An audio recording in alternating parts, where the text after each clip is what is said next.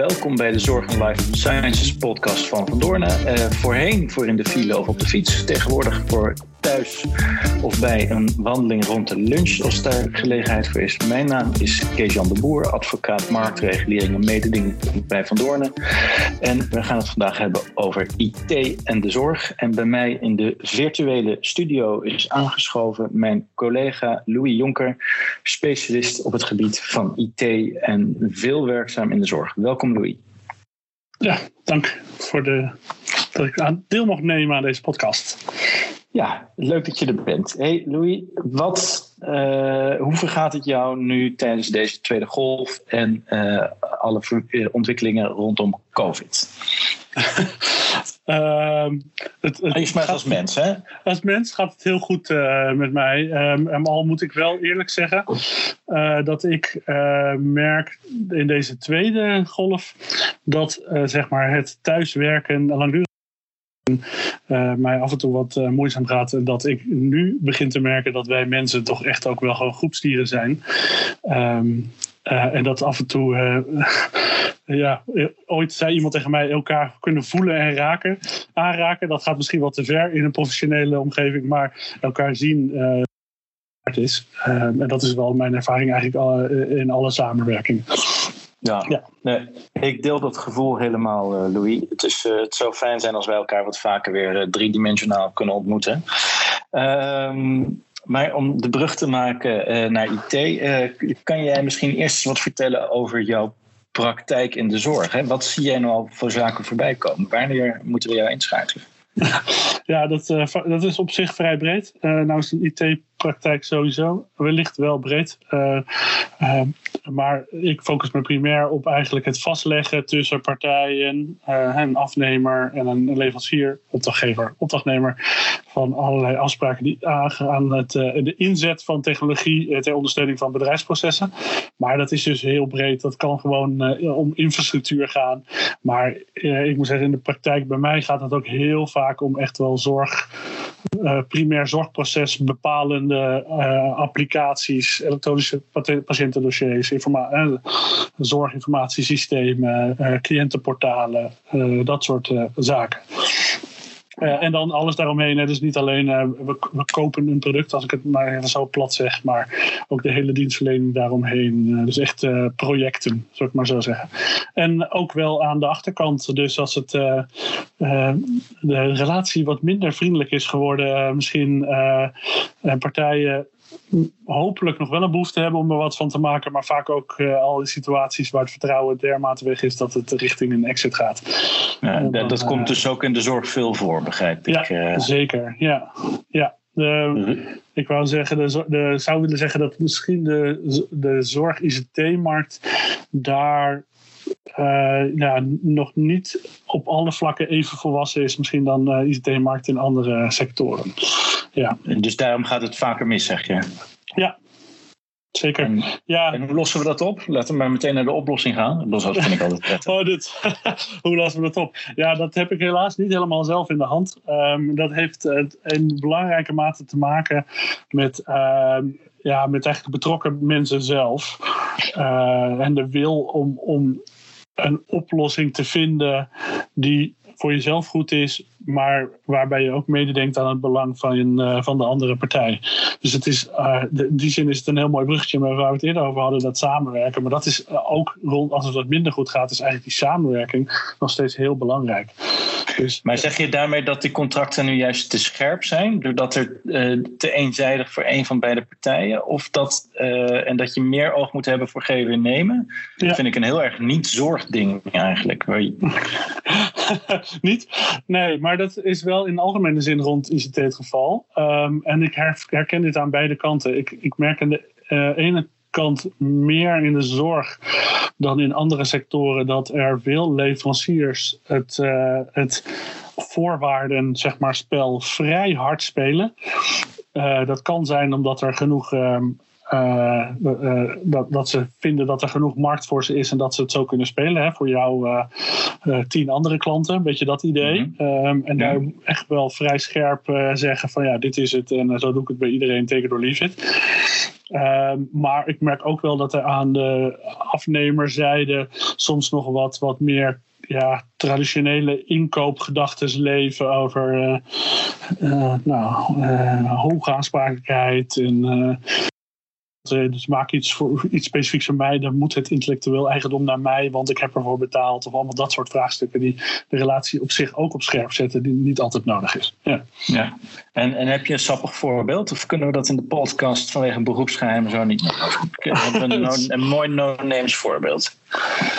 Ja, wel mooie, zeg maar, misschien verplichtingen Nee, laat ik zo zeggen. We en de aansprakelijkheid wel willen bewegen. Bijvoorbeeld in een clausule over aansprakelijkheid. Maar als je uiteindelijk zo'n contract doorspit, toch wel heel veel vage bewoordingen tegenkomt van we doen ons best en dit is een indicatie. En, en heel veel, uh, wat ook een, een, een typische valkuil is, is heel veel aannames doen zonder echt in dialoog te gaan met je klant uh, over hoe de situatie echt is. Uh, waardoor er, en, en, dat is ook weer begrijpelijk aan de klantzijde, veelal heel veel wantrouwen ontstaat van ja, weet je, dat is ik vergelijk het wel eens met de business van uh, printers of van uh, consumentenprinters of voor spelcomputers. En je, je krijgt iets goedkoop geleverd, maar dan gaat de teller lopen voor cartridges of voor spelletjes. Zeg maar. Dat is een beetje wat in IT de wantrouwen ook is. Ze, ze, hebben een voet binnen en dan, ja, dan is opeens natuurlijk alles meer werk of dat is anders. dus dan gaat de teller lopen, uurtje factuurtje, zeg maar.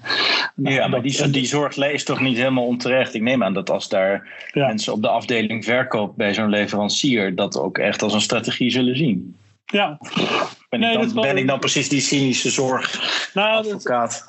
dit is dus heel lang, uh, dit, is eigenlijk al, al decennia lang denk ik een vrij gebruikelijke praktijk hoe dit loopt. En dat zit hem dus inderdaad in die, in die aannames. En ik denk dat er ook veel leveranciers een verdienmodel van gemaakt hebben. Uh, wat goed is, iedereen heeft uh, op zich recht om zijn verdienmodel in te richten zoals hij het zelf wil. Maar dan is het misschien goed om aan afnemerszijde te realiseren dat dat het verdienmodel is. En dat, daar kan je natuurlijk, als je daar niet in mee wil gaan, natuurlijk best tegen ageren aan de inkoopzijde. Dus wees ook gewoon kritisch op, op wat je krijgt aangeleverd van je leverancier. Uh, ik heb toevallig nu in een project waar uh, juist aan afnemerszijde wordt gezegd: ik wil geen enkele aanname meer in het document zien. Ook al begrijp ik ze, maar la, laten we de dialoog erover voeren. Wat is jou nog niet onduidelijk? Wat heb je nog van mij nodig? Om, om wel zeker te zijn dat.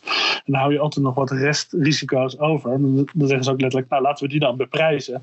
Dan zie ik het wel in de, in de prijs terug ergens. Maar gewoon, ik wil geen aannames zien.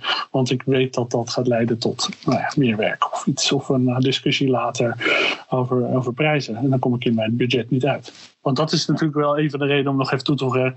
De budgetten zijn ook in de zorg nog steeds wel voor ICT best scherp. Er is ook niet heel veel geld uh, vaak daarvoor. Of wordt er niet voor vrijgemaakt. Ja. En zie jij nou al, hè, want we hebben landelijk nu door de COVID-crisis een, een beweging gezien naar e-health, uh, digitale consulten, dat soort zaken. De NZ, NZA faciliteert dat ook uh, sinds uh, de eerste golf. Um, zie jij daar al beweging in? Dat daar ook gewoon de uitgaven van zorgaanbieders aan het schuiven zijn, omdat dit gewoon versneld een veel belangrijker onderdeel van hun bedrijfsvoering wordt? Nou, dat gaat wel komen. Wat je denk ik vooral gezien hebt het afgelopen, eh, nou, wat is het, eh, drie kwart jaar eh, dat we nu achter de rug hebben, denk ik, sinds COVID, is wel dat er binnen de zorg veel meer gerealiseerd wordt dat heel veel meer processen digitaal kunnen waarvan ze voorheen dachten dat dat allemaal lastig zou zijn. Uh, maar dat gaat denk ik primair nu nog heel veel over gewoon, uh, uh, ja, nou, deels ook wel thuiswerken of bepaalde digitale voorzieningen, hoe je contact hebt met patiënten voordat je ze naar een, bijvoorbeeld naar een ziekenhuis laat komen of je instelling. Dus er wordt heel veel meer geïnvesteerd nu in voorzieningen in soort pre-afspraak, contact en uitwisseling van data uh, daar. Dus in die zin, de cliëntenportalen spelen ook een belangrijke rol die je nu, denk ik, wat meer afgenomen ziet worden. Uh, maar ik wou niet zeggen, zou niet willen zeggen dat maar, COVID-19 de enige driver was. Dit wordt ook wel uh, deels gestuurd gewoon door wetgeving. Ja. ja. Oké, okay. hey, en wat, wat zie je anderszins wel effecten van COVID-19 in de IT en de zorg? Zijn daar, heeft dat interessante vraagstukken opgeleverd of uh, draait alles wel? Nou, het heeft vooral. Ik heb wel uh, meteen in het begin had ik een, een, een twee, drietal projecten waar Ehm, die zijn zeg maar pre-COVID begonnen. Um, dus inkoop van belangrijke applicaties. Uh, de voorbereiding voor, voor implementatie Go Live was allemaal begonnen. En toen was er COVID. En dan moet er nog uh, uiteindelijk nog een Go Live van zo'n pakket plaatsvinden. Um, en toen kwam wel bij bij die projecten vrij snel discussie op van, uh, nou, we hebben overheidsmaatregelen, um, zo min mogelijk bezoek op locatie. Uh, en dan, uh, dan een leverancier dan zegt, ja, dat is dus overmacht, dus ik hoef niet te presteren. Een beetje die discussie. Nou, die, die discussie overmacht COVID-19 heb ik wel in meer sectoren gezien. Dus de zorg was hier wel iets bijzonderer in die zin. Kijk, in het algemeen overmacht gaat over. Er is een omstandigheid buiten mijn macht, zullen we maar zeggen. Als gevolg waarvan ik niet kan presteren. Maar binnen ICT was, is natuurlijk heel veel presteren gewoon prima mogelijk. Uh, ook met de COVID-19 beperkingen. Want je kan heel veel op afstand doen, heel veel dingen inregelen. Um, de enige uitzondering is misschien precies zo rond zo'n go live. En dan kom ik ook weer terug op het begin. En dan is er vaak toch op de werkvloer wat toelichting, uh, extra hulp. Er gaat ergens nog iets mis in het proces. En dan is opeens dat 3D samenwerken, zou ik maar zo zeggen. Dus zoals jij het eigenlijk ook wel noemde, dat, dat, elkaar 3D zien heeft wel weer een toegevoegde waarde. Mm. Um, dus misschien daar krijg je wel een beetje die, het spanningsveld. Maar ehm, wat we natuurlijk wel gezien hebben, is in de zorg uh, waren natuurlijk de maatregelen wel iets scherper over of je wel of niet op locatie kon komen en de beperkingen daaromheen. Omdat het gewoon echt ook een risico had voor bijvoorbeeld patiënten op locatie, uh, die al in hoog risico zaten. Dus daar werd de discussie wel iets scherper gevoerd. Um, at the end is in die projecten elke keer heeft het hoogstens een vertraging misschien van een maand opgeleverd. Omdat ze heel snel gezamenlijk bedacht hebben hoe gaan we dit anders inrichten. Dus er werden opeens van allerlei online trainingen bedacht waar vroeger mensen getraind werden in zaaltjes. Uh, en dat kost even wat extra tijd, want er moest er bijvoorbeeld uh, Zoom worden ingekocht. Of uh, Teams moest nog even worden ingericht daarvoor om online training te doen. Ja. En daar was iedereen natuurlijk een beetje mee aan het experimenteren. Maar ja, we zijn nu tweede, diep, diep verder al in de tweede zeg maar, periode. Of uh, zullen we zeggen, ik denk dat iedereen die ervaring nu al heeft opgedaan. Ja. ja, zelfs wij als advocaten kunnen tegenwoordig video bellen. Dat is toch, uh, we zijn altijd als beroepsgroep de laatste volgens mij. Zeg, op het moment dat de apotheken al lang en breed zijn gestopt met faxen, hebben wij nog contact per fax met de rechtbank. Maar uh, ook wij ja. moderniseren. Uh, ja. Maar genoeg over ons, want we hebben het over de zorg. Je noemde net al even de, de cliëntportalen. Ik, ik vind dat wel een interessant onderwerp om het eens even op in te gaan. Want samenwerking in de zorg uh, is natuurlijk uh, nou ja, steeds meer hot. Dat is altijd al nodig geweest. Uh, maar je ziet steeds vaker dat dat ook leidt tot gezamenlijke dossiers en, en cliëntgegevens. Ik heb recent ook weer wat voorbeelden in de jeugdhulp. Waarbij nou ja, gemeenten dat integraal inkopen en dus combinaties moeten inschrijven die onderling gegevens moeten uitwisselen. Dat leidt ook tot gezamenlijke ICT-informatie infrastructuur. Wat zijn daar nou voor jou de, de, de, de, belangrijkste hete aardappelen waar je, waar je tegenaan loopt bij het, inkopen van dat soort cliëntportalen? Ja, nou, één, um, één ligt denk ik voor de hand. Um, en daar zal ik nu niet direct uh, misschien heel veel over uitweiden, maar uiteindelijk gaat dat natuurlijk over wel de rolverdeling rond uh, ja, het, het, feit dat je met persoonsgegevens werkt, en in dit geval bijzondere persoonsgegevens en meerdere actoren. Uh, dus meer, misschien zor, meerdere zorgverleners van verschillende instanties, uh, cliënten. Dus gewoon de rolverdeling, wie is verantwoordelijk voor wat. en de hele, de hele privacy compliance, zeg maar. Maar die ligt redelijk voor de hand. Ja, nou, misschien om daarop in te haken, want we hebben dat wetsvoorstel elektronische gegevensuitwisseling. Ja. in de zorg. dat ligt is, ligt dat nog ter consultatie? Dat weet ik eigenlijk niet uit mijn hoofd. Maar uh, wat ik daarin wel opvallend vond, is dat die zorgaanbieder zo de regie krijgt. Terwijl je toch overal verder in wetgeving in de zorg ziet, cliënt centraal.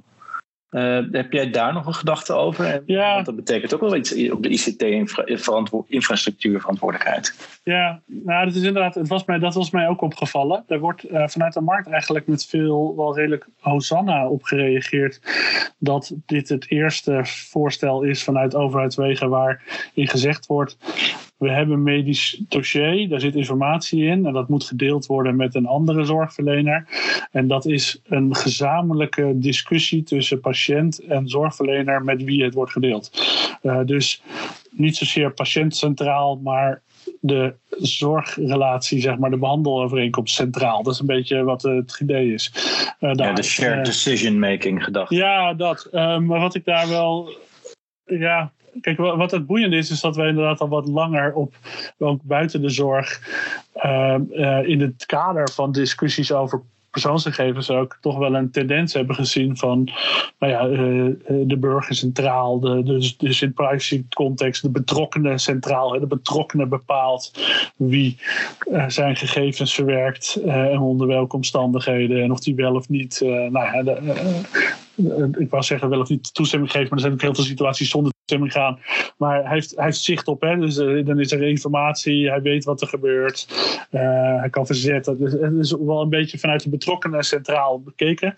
Um, ik ken dat ook heel sterk in de, in de betaalmarkt, waar, we, waar we door inmiddels alweer een richtlijn, Europese richtlijn uit 95 allemaal wetgeving hebben gekregen over toegang tot de betaalrekening, waar uitdrukkelijk is gezegd dat je de rekeninghouder eigenlijk staat centraal, die bepaalt uh, wie bij zijn, zijn rekeninggegevens uh, uh, mogen. En dat is niet dus alleen de bank, maar dat kunnen ook anderen zijn.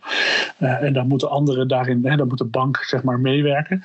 En in de zorg zien we eigenlijk ja, je zou verwachten dat we dan een systeem zouden krijgen. De, nou, de patiënt centraal, de patiënt bepaalt welke zorgverlener wanneer toegang heeft en of die dat uh, accordeert of niet. Um, uh, en, daar wordt nu gezegd: nee, dat is een dialoog samen met de zorgverlener. Uh, waarmee die dat dossier heeft. Dat, dat vind ik een, een boeiende beweging, want ik ben daar vooral wel uh, beduchten hoe dat nou straks in de praktijk gaat. Gaat een zorg, weet je, zou een zorgverlener dan zeggen: Ja, dat beste patiënt, ik, ik snap dat u misschien die zorgverlener ook uw gegevens wil laten stekken, maar dat acht ik niet verstandig, want die zorgverlener zal geen toegevoegde waarde hebben voor uw behandeling of zo. Dat, dat is toch een misschien wat vreemde discussie over.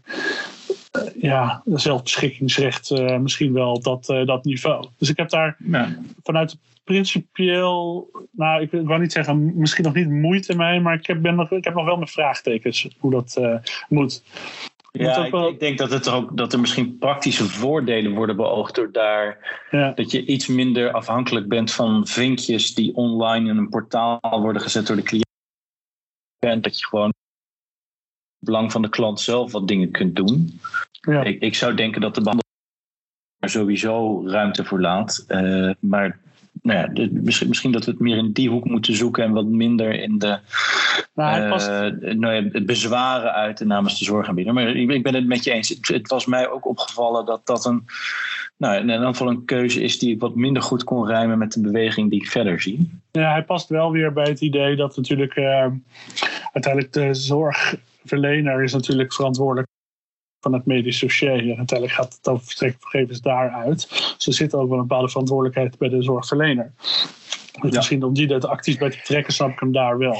Dus dan een, een andere gedachte die ik erbij had, was ook wel wat dit nou betekent voor al die uh, PGO's die ontwikkeld worden. Hè? De persoonlijke gezondheidsomgevingen op en bijvoorbeeld in het kader van dat met mij uh, uh, ja, afsprakenstelsel wat er is. Van Weet je, wat betekent dit nou voor eigenlijk dat, dat met mij stelsel en die PGO's? Want die gaan toch eigenlijk wel weer uit van de patiënt beslist. En die krijgt dan een soort ja, summary van zijn gegevens die bezit met wie die dat verstrekt. En met welke zorgverlener. Dat valt dan weer niet helemaal te rijmen wellicht met dit uh, wetsvoorstel, uh, zou ik zeggen. Uh, maar goed, ja. ja. Niet meteen hij allemaal investeringen overboord is hoor. Want er wordt wel gesproken dat hun technologie dan ingezet zou kunnen worden voor de uitvoering van wat beloogd is onder deze nieuwe wet. Maar ja, wel interessant. Ja, moeten we even kijken hoe dit, waar dit heen gaat. Precies. En dan even de stap terug. Hè? Want het begon natuurlijk allemaal met de vraag over wat zijn nou de, de, de hete aardappelen rond cliëntportalen. Privacy uiteraard een, een, belangrijke, voor de hand liggende. Maar wat zijn nou degenen op het gebied van IT waar je nou, als gemiddelde luisteraar niet IT'er uh, ook tegenaan zou kunnen lopen? Ja, ja, de tweede belangrijke, en die kom ik eigenlijk uh, niet alleen bij cliëntenportalen, maar eigenlijk vrij breed wel in de zorg tegen bij, uh, bij wat belangrijke applicaties die worden gebruikt in zo'n wat meer ja, ketenzorg met meerdere actoren. Dat is uiteindelijk toch de discussie over intellectueel eigendom op die betreffende applicatie. Die rust bij een leverancier ofwel zijn toeleveranciers. En het hele idee bij IT is, hè, je geeft een stuk technologie in gebruik waar die rechten op liggen en dan geef je een licentie aan, aan de ontvanger dat hij dat mag gebruiken binnen de voorwaarden die jij stelt. Uh, het enige is, die licentie dat is een contractuele afspraak, hè, die leggen we dan vast in die contracten, maar die maak je met je contractspartij, de contracterende afnemer. Maar hoe al die andere actoren in, dat, in die zorgketen, in de zorgproces, die misschien ook zeg maar, in het kader van die zorgverlening gebruik moeten maken van diezelfde functionaliteit. En uh, als je dat dus niet goed contractueel eigenlijk gedicht hebt, dan betekent dat eigenlijk dat die, nou laat ik het nu maar even zeggen, derde partij die ook betrokken is in het zorgproces, inbreuk maakt op de rechten, intellectuele eigendomsrechten op die applicatie. Um, en dat, dan kan je zeggen dat ik, ik, verwacht niet dat daar nou grote inbreukzaken over komen die voor de rechter worden uitgevochten. Maar dit, waar, waar het echte belang is, is, is dat dit is het haakje voor die leverancier. Om te zeggen, hé, hey, daar wordt gebruik gemaakt van mijn applicatie zonder toestemming. Daarvoor moet ook een licentie komen. Uh, dat kost zoveel. Uh, en dan opeens heb je dus een uh, gat in je begroting, laat ik maar zo zeggen. Omdat het blijkt allemaal duurder uit te pakken dat er meerdere mensen, meerdere actoren betrokken zijn die je niet had voorzien in je business case. Ja, dus je, het gaat er dus echt heel erg om dat je dat feitelijk gebruik van die technologie, of, de, die IT-infrastructuur en, en, software en alles, vooraf heel scherp in kaart brengt wie doet wat, wanneer en waarom precies. En dat is al, uh, dat deze discussie loopt gelukkig wel, wel iets langer. Maar dit staat nog steeds in echt contracten van vrij grote leveranciers in de zorg.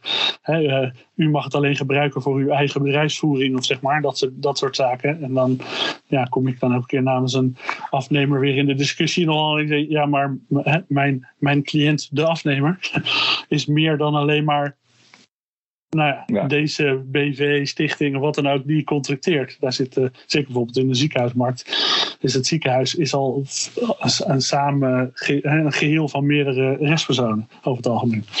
Ja, met de MSB's bedoel je dan? Ja. Medische specialistische Ja. ja. En, dan hebben we de, en dan dus er dan nog de ZBC's die er kunnen zijn. Hè, combinaties van eerste lijns, tweede lijns zorg.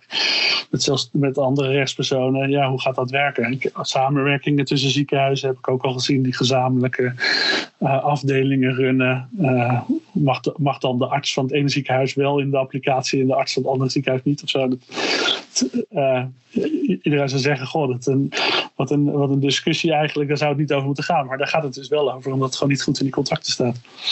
Ja, nou, die, die, die, discussie gaat het zeker over. Want we hebben natuurlijk uh, recent die, die, die, koppeling tussen de twee grote ziekenhuis-EPD's gehad. Ja.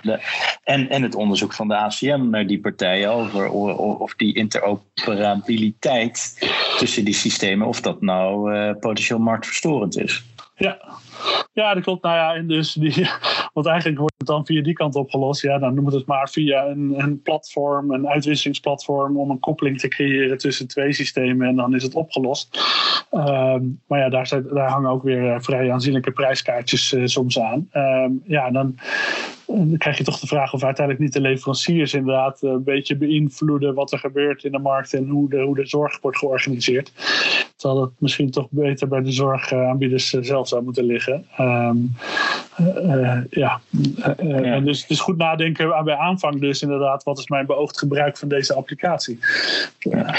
Want, wat zou jij nou vinden van de gedachte die ik ook al wel eens voorbij zie komen om naar een soort open standaard te, te proberen te komen voor de registratie van gegevens in de gezondheidszorg, zodat die uitwisseling daarvan ook veel meer wordt vergemakkelijkt? Gaat dat daadwerkelijk wat oplossen? Ja, dat zou het wel kunnen. Kijk, het zijn meerdere vlakken. Het begint over eh, standaardisatie en registratie van data. Gewoon registratie aan de bron, zeg maar. Maar het gaat inderdaad ook wel over uitwisselingsstandaarden. Uh, de, de, het voordeel is, het zou zeker denk ik de, eh, de uitwisseling vergroten. Dus de interoperabiliteit.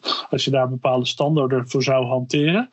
Uh, een veel uh, genoemd nadeel daar is dat het uh, enigszins de innovatie over dat soort uitwisselingsstandaarden zeg maar, zou kunnen ja, beperken. Techniek schrijdt zo snel voort dat de standaard die je nu bedenkt misschien over twee jaar niet meer de goede standaard is. En zijn daar voorbeelden uit andere sectoren waar dat ook daadwerkelijk gebeurt? Ik zit zelf even te denken in mijn hoofd. Ik weet niet of dat het goede voorbeeld is met Open Office en Microsoft Office.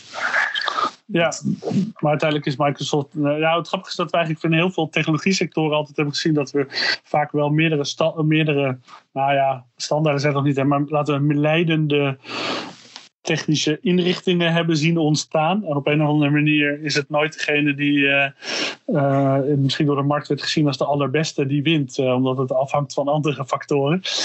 dat, is, dat gaat al terug, terug in het meest bekende voorbeeld van Betamax en Video 2000 in de videobanden, zeg maar, de standaarden van lang geleden. Dit is voor de oudere luisteraar van deze podcast. Ik zou zeggen, ja, dat, dat gaat zo bijna mijn pet te boven, uh, maar, uh, nee, maar, um, uh, nee, maar in zekere zin zou je dat ook kunnen zeggen in de, weet je wel, ja, de, Microsoft Office standaard heeft natuurlijk wel redelijk gewonnen in de, in, in de kantoorautomatisering. En ook Open Office, ja, zie je daar toch niet nog heel veel goed aan de aarde krijgen, omdat toch iedereen gewoon Microsoft gebruikt. Um, nou, je kan je dan afvragen of dat inderdaad de beste standaard is. Um, dit is wel de reden, want uh, omdat je het zou zeggen, maar in die, in die, ik noemde eerder die betaalsector, waarin dus eigenlijk is gezegd, daar moet dus een soort eh, mogelijkheid tot uitwisseling komen. En daar is eigenlijk ook een soort van opgeroepen door de, uh, vanuit Europa dat daar standaard interfaces moeten komen vanuit al die banken. En, en bijvoorbeeld standaardisatie. Maar ze hebben niet een standaard durven voorschrijven. Nee, dat moet de markt dan zelf bepalen. En toch ook wel weer een beetje vanuit deze gedachte ja, ehm, wie zijn wij om het standaard te bedenken? Uh, straks is er misschien een standaard die nog efficiëntere snellere gegevensuitwisseling mogelijk maakt. Ja, dus we, we moeten die open standaard is een leuke gedachte. We moeten er niet te veel van verwachten, zeg je eigenlijk. Nee, dat is, uh, nee, dus het kan nuttig zijn om aan te sturen, maar je moet je beducht zijn dat het ook, dus, uh, ook nadelen kan hebben. Dus innovatie, uh, misschien ook nog wel op informatiebeveiliging. Hè, als een, een bepaalde standaard zo ingeburgerd is, ja, dan zal die ook sneller door mensen met minder goede bedoelingen worden aangevallen om, om, om daarin op in te breken. Uh, daarentegen, hè, dus, dus dat is een groter risico, informatiebeveiliging, dat, dat je meer aandacht krijgt van, van zeg maar criminelen. Aan de andere kant, bij de standaard zijn er vaak dan ook wel weer veel meer financiële middelen beschikbaar om die standaard zo goed te beveiligen. Wat weer bij als je heel veel koppelingsvarianten hebt, misschien niet is. Dus de, dus de vraag is ook, zijn ze ook niet robuuster qua informatiebeveiliging dan weer. Dus het is een beetje een uh, continue afweging, denk ik, die daar plaatsvindt. Ja, nee, onze 20 minuten zitten er bijna op, of zitten erop, denk ik. Uh, ik, vind, je zegt één uh, interessant iets nog. Informatiebeveiliging, hè, dat is natuurlijk, een, uh, zeker met de bijzondere persoonsgegevens die vaak in die, die systemen in de zorg terechtkomen, en misschien wel het belangrijkste waar, waar je mee te maken kan krijgen. Wat zijn daar nou de, de, de, de best practices op, op het gebied van contractering? Heb je daar nog tips? Of is dat echt iets wat eh, in de praktijk vorm krijgt? Nou, op zich is in de zorg is, is informatiebeveiliging wel vrij. Uh, nou wat strakker gereguleerd dan in andere sectoren, omdat je daar specifieke standaarden voor hebt en NEN-normen waaraan je moet voldoen. En dan ben ik op zich altijd wel een klein beetje kritisch op de NEN-normen, omdat het processen. Uh, beschrijft hoe je best practice, hoe je het moet inrichten en, en hoe al die systemen aan moeten voldoen. Daar worden ze ook op gecertificeerd. Dus in die zin gebeurt dat ook veel meer dan in andere sectoren. Uh, die certificering, nou, uh, discussie over of de hele regelgeving over medische hulpmiddelen helpt daar natuurlijk ook wel bij. Waarbij software eigenlijk steeds meer hogere plek krijgt binnen, binnen de regelgeving. Maar at die end komt informatiebeveiliging natuurlijk ook gewoon wel heel erg neer op ja, ehm, het, het onderkennen wie de zwakste schakel is, zeg maar, in de, in de, in de, in de keten. En dat zijn vooral toch heel, eigenlijk over het algemeen mensen. En individuele gebruikers. Dus je kan zoveel nog bedenken. Ehm, er zit altijd een zwak element in. En ik denk dat waar daar de, toch wel het kernadvies is, wat je ook opschrijft in de contracten. Uiteindelijk gaat het over welke procedures spreek je nou met elkaar af dat als er een incident is, uh, uh, hoe je daarmee omgaat. En zo snel mogelijk eigenlijk ja, het lek dicht uh, en de gevolgen mitigeert. Ja, dus uh, gijzelsoftware die je EPD-lam legt, daar, uh, dat is toch de menselijke factor. Uh, om maar even de, de worst nou, case scenario. Nou ja, dat, ja, dat kan gebeuren. Kijk, je kan, de software kan binnenkomen. Maar het komt dat ook wel, toch wel heel vaak binnen. Omdat er, uh, uh, uh, en, dat wordt steeds, ik weet niet of dit een goed Nederlands woord is, maar vernuftiger wou ik zeggen. maar hoe het binnenkomt hè, via e-mailtjes die niet van echt te onderscheiden zijn. En iemand klikt ergens op en langzamerhand komt de software, komt er kwalijke software binnen en is er opeens software. Zeg maar. Een deel wat je daar wel kan doen is natuurlijk door intern. Ehm, dat is wel een beetje een trend die nu gaande is, wel ook in de informatiebeveiliging, door intern meer te compartimenteren. Ehm, waar, waar, vroeger is de gedachte bij informatiebeveiliging is heel erg geweest vanuit uh, zeg maar de, het kasteel met de slotgracht. Maar zoals je weet, als je eenmaal de slotgracht over bent en de poort door, ben je opeens in het kasteel en heb je toegang tot alles. Um, ja, dat, dat, zo is eigenlijk heel veel ICT ook ingericht. Er wordt heel veel aan de buitenpoort gemonitord over uh, derde naar binnen, uh, et cetera. Maar uh, wat er intern gebeurt, in, in intern binnen het netwerk gekoppelde systemen en of daar ongebruikelijke ja, datastromen plaatsvinden, daar wordt eigenlijk niet of nauwelijks op gemonitord. Dat, dat zeg ik nu, dat er is, hier is dus wel echt de kentering gaande. Maar je zou eigenlijk veel meer, en daar kun je natuurlijk wel afspraken over maken met, uh, met leveranciers die ook mede zo'n belangrijke rol vervullen binnen je informatiebeveiliging.